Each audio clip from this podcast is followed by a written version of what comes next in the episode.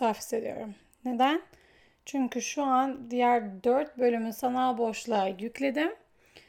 Um, tamam kendim için yapıyorum dedim bu podcast'ta ama bazen yine de insan diyor biri dinler mi, duyar mı, ne düşünür? Sonra Instagram'da biraz daha aktif oldum. Türkçe çok keyifli podcastler buldum falan. Böyle bir heyecan yaptım. Ama işte böyle anlarda kendimi yakalıyorum ve hani kendimi hatırlatıyorum. Kendi hayat, yaşam değerlerimi yüceltmek, beslemek ve pekiştirmek için yapıyorum ben bunu diye. Başkalarının onayı için değil. Başkalarının onayı için değil. Tekrarla, tekrarla. Um, terapistim bu konu üzerinde güzel bir egzersiz verdi bana ve bu egzersiz şu soruyla başladı. Sen öldüğünde senin cenazene gelenler senin hakkında ne düşünsün istersin? Senin hakkında ne düşünmeli değil. O ince ayrıntıya özen göstermek istiyorum. Hani aa şu ne der, şuna ayıp olur, aslında onun için şunu yapmalıyım falan falan gibi düşünceleri takip ederek söylediğin her şeyi silmeni istiyor. Um, ve senin için önemli olan yaşam, yaşam değerlerini ortaya çıkarmak istiyor. Ve buna yönelik kendini kutlayarak, kendini ön planda tutarak sağlıklı bir şekilde kendinle olan ilişkini geliştirmeye yöneliyorsun. Böyle bir bakış açısıyla. Mesela nasıl bilirdiniz diye sorulduğuna bugüne kadar kimsenin kötü bilirdik dediğini ben düşünmüyorum tanıdığı eş, dost, aile bireyleri kim olursa olsun iyi bilirdik denir. Toprağı bol olsun denir. Ruhu şad olsun denir. Mekanı cennet olsun denir. Kötülüğü varsa o anda orada konuşulmaz. Um, neyse konu o değil. Hani inşallah sağlıklı, huzurlu, sevdiklerimle uzun bir ömrüm olur. Ama ben yerin altında mışıl mışıl uyurken nasıl bilirdiniz dendiğinde ben şunların denmesini istiyorum sevgi dolu, adaletli, korkusuz ve hayatı dolu dolu yaşayan. İşte bunları yükseltmek, yüceltmek ve aktifleştirmek, çoğaltmak artık ne dersen. Onun için bu podcast'i yaptığımı hatırlatıyorum kendime. Hani yükselt, yücelt, aktifleştir, çoğalt. Sevgi dolu, adaletli, korkusuz, hayatı dolu dolu yaşayan bir insan ol. Kendimi savunuyormuşum gibi oldu bir an ama hatırlatma babında işte. Neyse hatırladım. Okey. Bu arada ses kayıt kalitesi biraz daha iyidir umarım ilk bölümlere nazaran. Yaptıkça öğreniyoruz. İşte programlarda bölümleri düzenlerken falan Google'da, YouTube'da arata arata çözmeye çalışıyorum. Kendimle olan ilişkim ne kadar iyiyse etrafımdakilerle olan ilişkim o kadar sağlamlaşıyor. Onu fark ettim bu aralar. Aa, konudan konuya atlıyorum. Ve ben bu konu hakkında biraz konuşmak istiyorum. Sürekli öğreniyorum, kendimi geliştiriyorum daha çok şey deneyimliyorum. Hani bu bir kere yaptın oldu değil. O dengeyi yavaş yavaş pekiştire pekiştire buluyorum. Aile ilişkilerini bir kenara bırakıyorum. O zaten apayrı bir kermes, panayır, sirk artık ne dersen. Ama kadın erkek romantik, kadın kadın arkadaşça, kadın erkek arkadaşça, kadın kadın romantik, erkek erkek arkadaşça, erkek erkek romantik ve bu spektrumda olan non-binary olan her ilişkinin kendine göre komplikasyonları var. Ama benim deneyimlerim şunlar. Kadın kadın arkadaşça, kadın erkek arkadaşça, kadın erkek romantik. O yüzden bunun üzerine yoğunlaşmak istiyorum. Hatta spesifik olarak kadın kadın arkadaşça ve kadın erkek romantik olarak.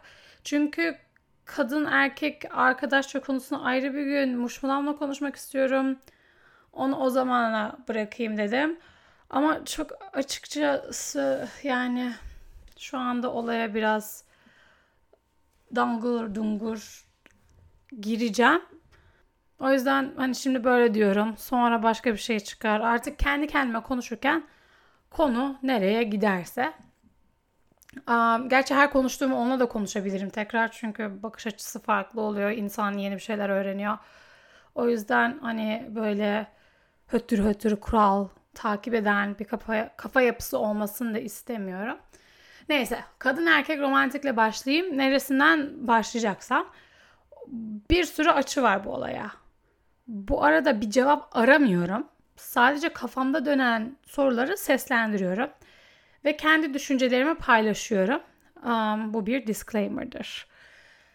Çok sevdiğim komedyen Whitney Cummings her bölümünde konuklarına insanlar çıkmaya, flörtleşmeye başlamadan önce senin için red flag olan şeyler var mı diye soruyor. Red flag direkt tercüme ettiğinde kırmızı bayrak diye çevriliyor. Kulağa da bayağı absürt geliyor. Ama demek istediği şu hani karşı cinsteki kişiye dair uyarı, bir nevi tehlike işareti, hani ikaz belirtisi var mı? Mesela benim için en büyük ikaz belirtileri um, erkeklerde evcil hayvan sevmemesi.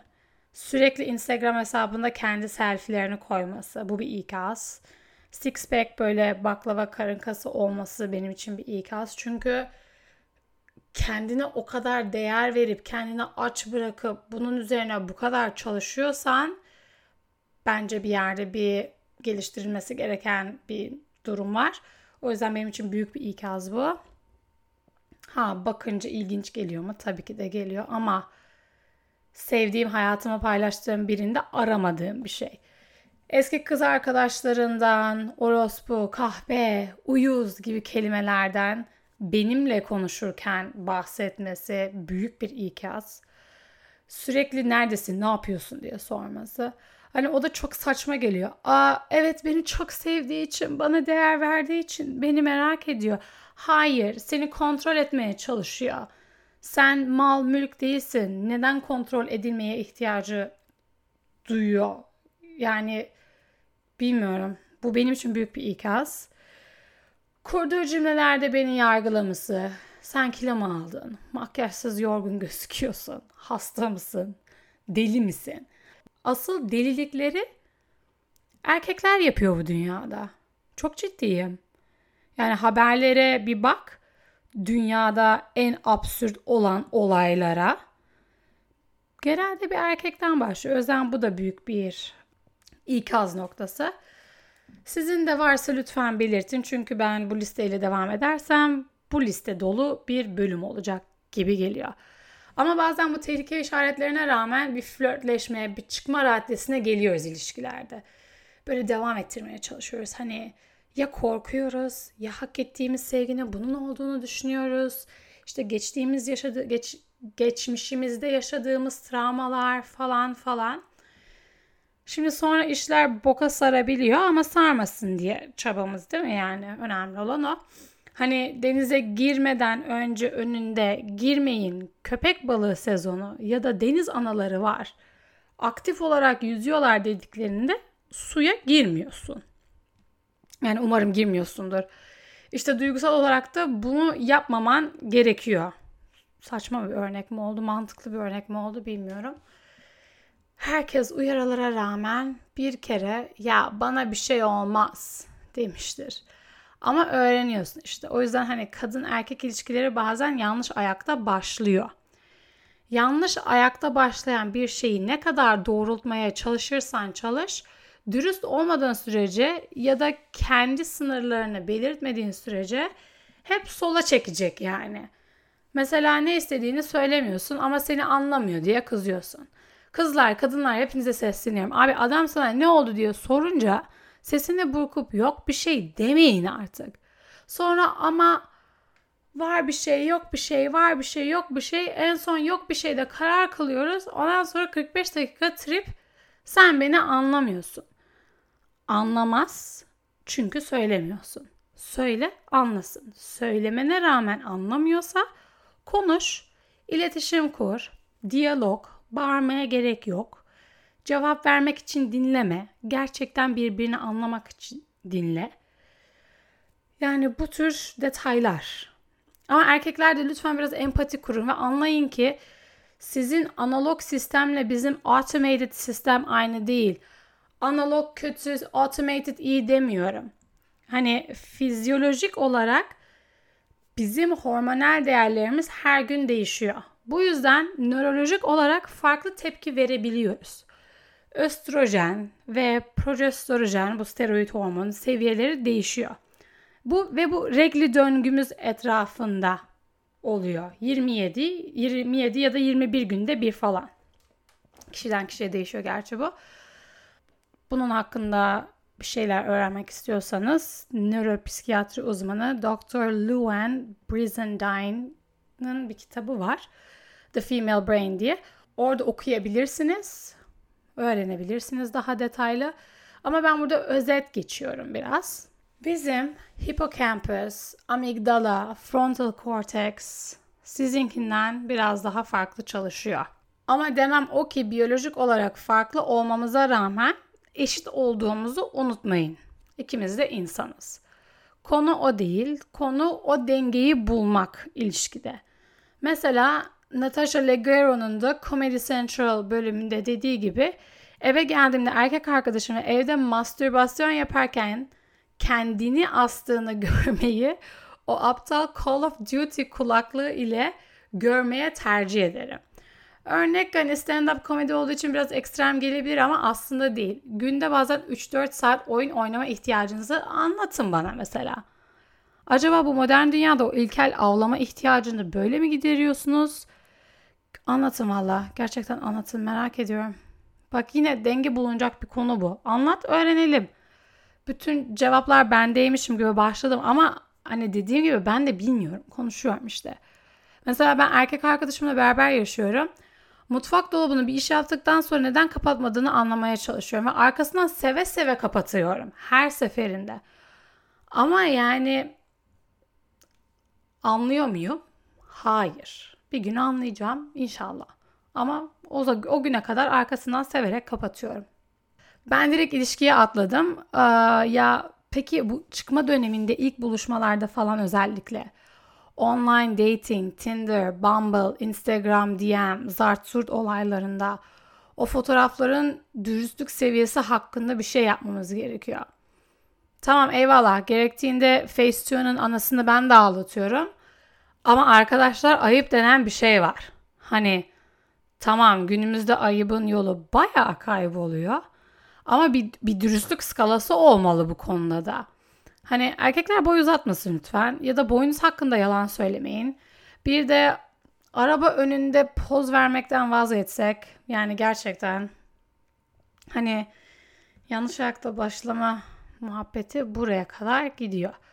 Ve tabii ki salak değilim. Ben de biliyorum sosyal medyada hepimizin kendimizi olduğumuzdan daha güzel, ilginç, özel gösterdiğimizi Hani sümüklü sümüklü aşkı memnun final ya da Toy Story 2 izlerken Jesse hikayesini anlatırken ki halimi ben de çekip koymayacağım herhalde. Ama bir denge olmalı. Bir de yani bazen alınıyorum ben böyle 3 saat hazırlanıyorum, giyim seçiyorum, makyaj yapıyorum, saçımı yapıyorum bilmem ne. Ondan sonra yüklüyorum fotoğrafı. O taş gibisin, o çok güzelsin gibi yorumlar geliyor. Ama normal sweatshirt, makyajsız doğal fotoğraflar konduğunda kimse bir bok demiyor. Tabii ki böyle kendi kendine hizmet ediyorsun orada. Nasıl kendi kendine hizmet ediyorsun? Hani kendine bakıyorsun bilerek o ekstra şeyi e, eforu harcıyorsun. Ama ne bileyim sanki normal halim yeterli değil hissi var ya o koyuyor bana. Bu arada yorum yapın yapmayın demiyorum. Hoşuma da gidiyor yani. Şimdi kimi neyi kandırıyorum ama işte ikilem bunlar. Bunların hepsi her zaman bir ikilem kafamda. İlişki resmen olimpik sporlara hazırlık kıvamında bir azimlilik gerektiriyor.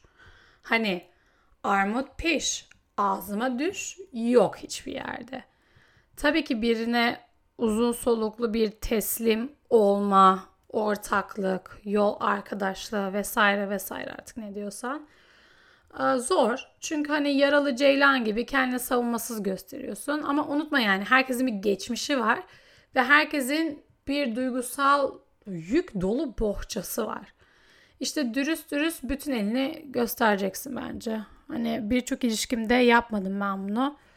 Hep kendimi eğdim, büktüm, kendimden ödün verdim. O yüzden karşı tarafta suçlamıyorum çünkü kendi değerimi bilmiyordum. Kendi arzularımı bilmiyordum. Hayatta hedeflerimi bilmiyordum. Ve bu sebepten kendi sınırlarımı da bilemedim ve koruyamadım. Bu sebepten dolayı anlaşmazlıklar oldu. Mesela şu anki ilişkimde en baştan bunu ikimiz de yaptık ve gayet şu ana kadar başarılı gidiyor.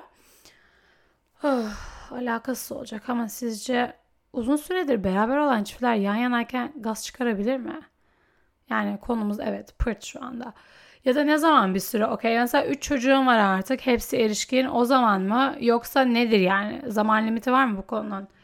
Bir de mesela hep erkekler daha çok duyulur bir halde gaz çıkartıyormuş gibi geliyor bana. Hani kadınlar yaparsa aman Allah'ım dünya içeriye doğru patlayacak gibi bir tepki sen veriyor musun? Ya da genel olarak veriliyor mu? Benim çevremde veriliyor. Yani kusura bakmayın ama bazen ben de o çiğ köfteyi yememem gerektiğini unutuyorum. Ya da baklagiller biraz sindirimde dans etmeye karar veriyorlar. Yani ne yapayım ve bu dünyada tek bu, bu sorunu yaşayan ben de değilim. Olamaz böyle bir şey. Ama bir kural var mı bu konuda? Yani bilmiyorum. Ama yani demek istediğim birbirinizin suratına oturup osurun değil. Demek istediğim hani oldu da gaz kaçağı oldu. Tepki ne olmalı? Bence gülüp geçmeliyiz değil mi? Yani kesinlikle gülüp geçmeliyiz.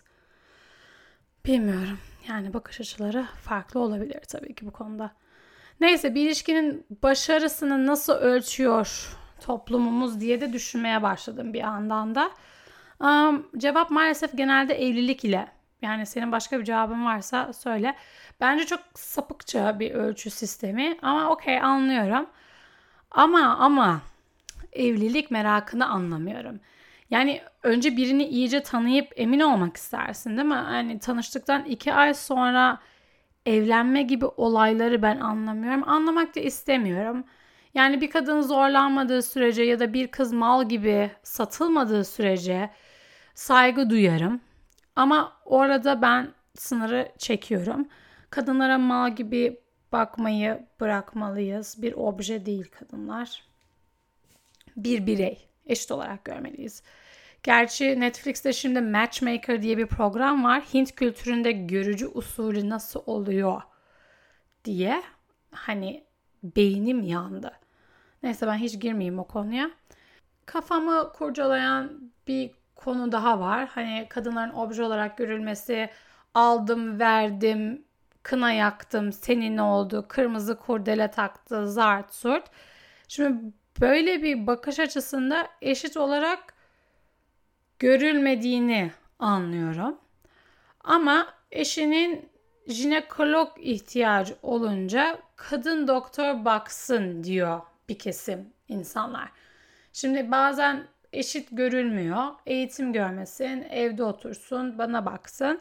Ama benim ihtiyacım olduğunda bir kadın doktor muhakkak bulunsun. Bu tür şeyler yani olmuyor işte öyle arkadaşlar olmuyor. Neyse herkes mutlu olduğu sürece sorun yok. Kafamı kurcalayan bir şey daha var.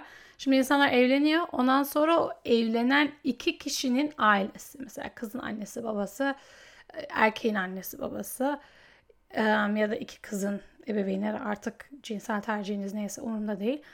Anlamadığım şey o iki ailenin o ilişkiyle uğraşması ve muhatap olması. Yani iki insan evlenmiş, hayat kuruyor. Sana ne zaman çocuk yapacaklarından? Yok o onu dedi. Yok bu bunu dedi. Millet can sıkıntısından hayatındaki eksiklerden başkalarını fitilliyor. Yani git bu kadar canı sıkıyorsa bu konu kendi hayatını biraz daha optimize et değil mi? Neden başka insanların mutluluğunu kendine yol biliyorsun? Ama diyelim ki 35-40 yaşındasın ve evli değilsin. Bir kadın olarak çirkin çirkin evde kalmış diye bir söylem. Erkeklere deniyor mu bu? Bak yine dengesizlik. Bir erkeğe neden evde kalmış denmez.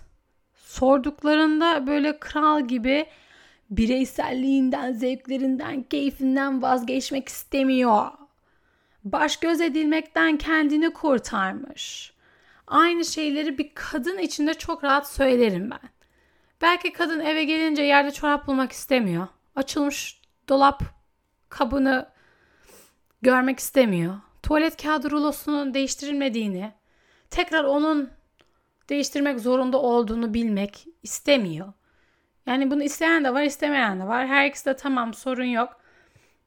Ama böyle bir ötekileştirme, bir dengeden çıkarma hoş değil. Bir de evliliğin yaş sınırı olmamalı ya. Bence evlenme yaşın geçti cümlesi kaldırılmalı. Ya da bir başarı kıstası olarak gösterilmemeli.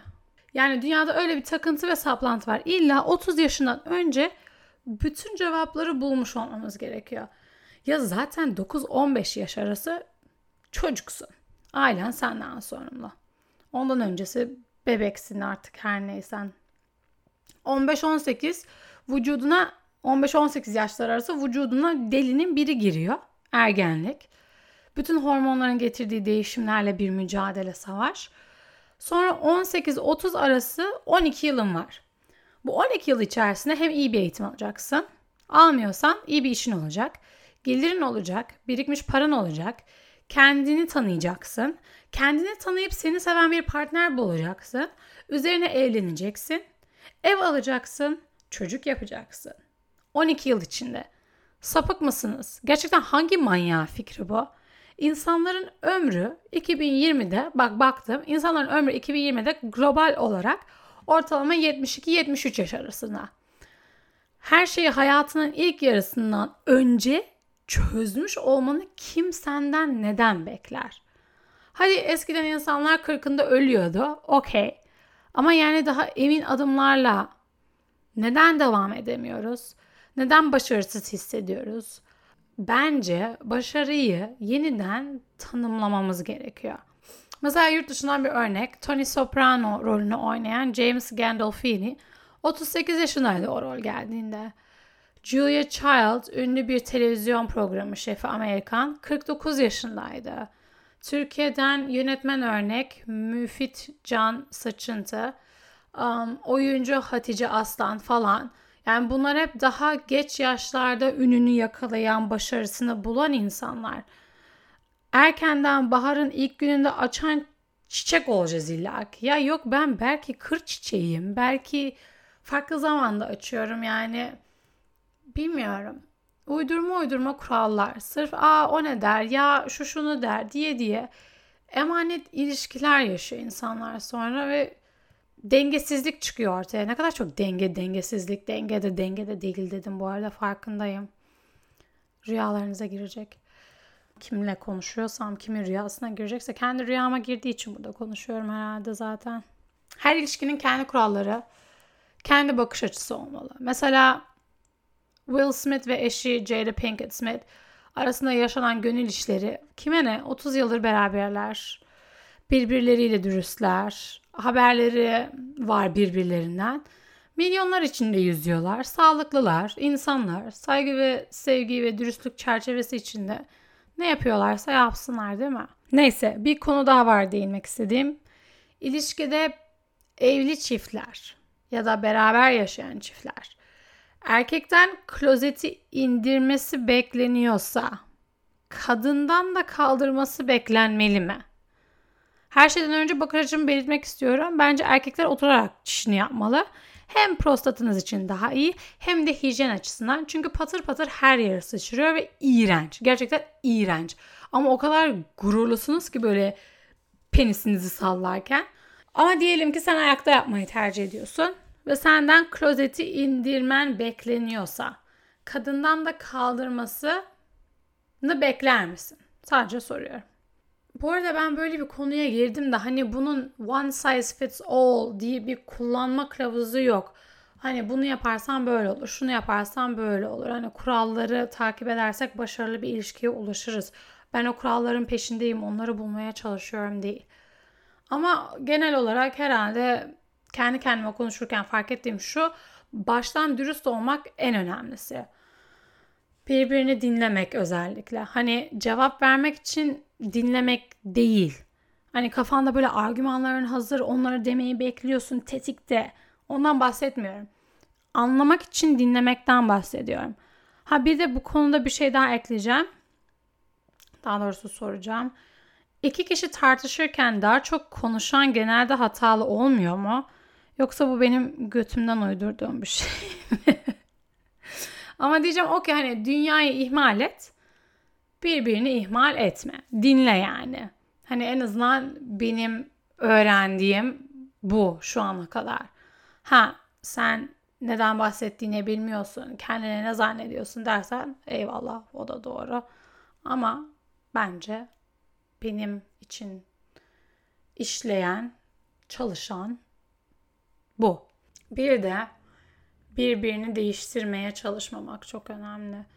Bak dediğim gibi en başta sana biri uymuyorsa, sana bir sürü uyarı, ikaz belirtisi veriyorsa benimle farklı olur deyip, ben farklıyım deyip onu kadın ya da erkek hiç fark etmez değiştirmeye çalıştığın an yanlış ayakta başlıyorsun zaten. Tabi beraber öğrenip birbirini tanıyıp bazı ortak değişimler yapabilirsin kesinlikle. Ama karakter, öz, o değişim olmaz. Yani bunu da bir bırakalım bence artık. Kadın erkek ilişkileri valla konuşuyorum da yani uçsuz bucaksız bir konu. Zaten daldan dala atlıyorum. Ama sanki o konuyu da muşmulamla daha iyi irdelerim gibime geliyor. Bilemedim yani çünkü bir kapıyı açıyorsun önünde bir kapı daha açılıyor. Yani ne bileyim bayağıdır da konuşuyorum. Şimdi kendi kendime konsantrasyonum biraz gitti. Çünkü bu sefer yeni bir şey denedim.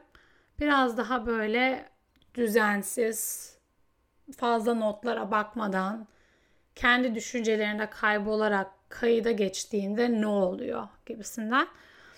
Ama kadın kadın arkadaşlık ilişkilerinde benim yaşadığım bir zorluk var. Ben yüzde yüz dürüst olamıyorum. Hep karşı taraf kırılacak edecek diye onların duymak istediklerini söylüyorum. Çünkü yapmazsan da vefasız olacaksın diye bir korku var abi. Erkek arkadaşımın yakın kankaları, dostlarıyla muhabbetlerini dinliyorum bazen. Bir şey beğenmiyor mu ya da söyleme tonu hoşuna gitmiyor mu? Don diye söylüyorlar birbirlerine. Ve kimse yargılamıyor. Aa tamam özür dilerim pardon deyip geçiyor yani. Bazen özür dilerim pardon da deyip geçirmiyor. Sadece ha okey geçiliyor. Ya da dertleşirken konuya başlamadan önce hani içini mi dökmek istiyorsun yoksa tavsiye mi bekliyorsun diyorlar birbirlerine. Allah'ım ben de yapmak istiyorum bunu ama yapamıyorum bir türlü. Ya da mesela bir gün canım bir şey yapmak istemiyor. Canım istemiyor kusura bakma deyip geçemiyorum. İlla bir mazeret vermek, açıklama yapma ihtiyacı. Böyle şeyler uyduruyorum. Ya da böyle bir paylaşmak istememe ya da ne dersem arkamda durman gerek psikolojisi. Tek bende mi var acaba diye sorguluyorum durumu. O yüzden herhalde bir bahsetme ihtiyacı duydum şimdi. Konsantrasyonumu kaybettim derken bir anda böyle yükseldim. Ve sürekli böyle kriz halinde problem çözmeye çalışırken buluyorum kendimi. Ama kendi problemlerim değil bu. Büyük ihtimalle benim insan ilişkilerimde genelde sınır koyamamamdan kaynaklanıyor. Hani kendi problemlerimi bir kenara atıyorum. Sürekli başkalarının problemlerini çözmeye çalışıyorum. Bu da neden? Dediğim gibi sınır koyamamamdan kaynaklanıyor. Kendimi böyle sürekli bir açıklama isteğim var. Sürekli bir ben en iyi arkadaşın olmalıyım. Benim hakkımda pozitif düşünmen gerekiyor gibi bir psikolojiye giriyorum. Ve birçok kez hani fuck you ya da hadi bir siye demek istediğim zamanlar oldu ve bunu yuttum. Hani hayat değerlerimden biri sevgi dolu ya hani onu onu şu anda fark ediyorum. O sevgi dolu olmak bir baş etme mekanizması mı yoksa gerçekten sevgi dolu olmak istediğim için mi? Bence şu anda daha çok bir baş etme mekanizması. Hani bu konuda da konuştum daha önce. Fakat bilmiyorum.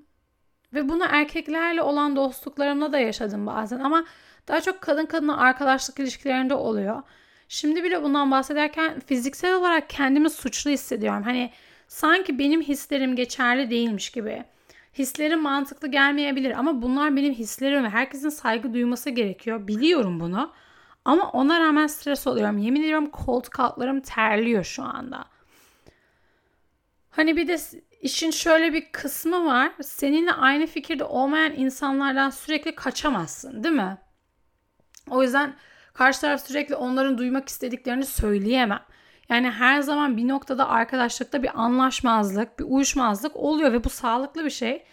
Ve bu ben sana insan olarak karşıyım demek değil ama ben nedense bunu böyle kodladım ve insanlara karşı dürüst olamıyorum. Özellikle kadın kadın yani kız kıza ilişkilerimde böyle bir durum söz konusu. Neyse hani sınırlarımı çizemememden ötürü diye düşünüyorum. Neyse sınırlarımı çize çize zamanla bu da çözülür. Çözülmezse de vardır bir hayır.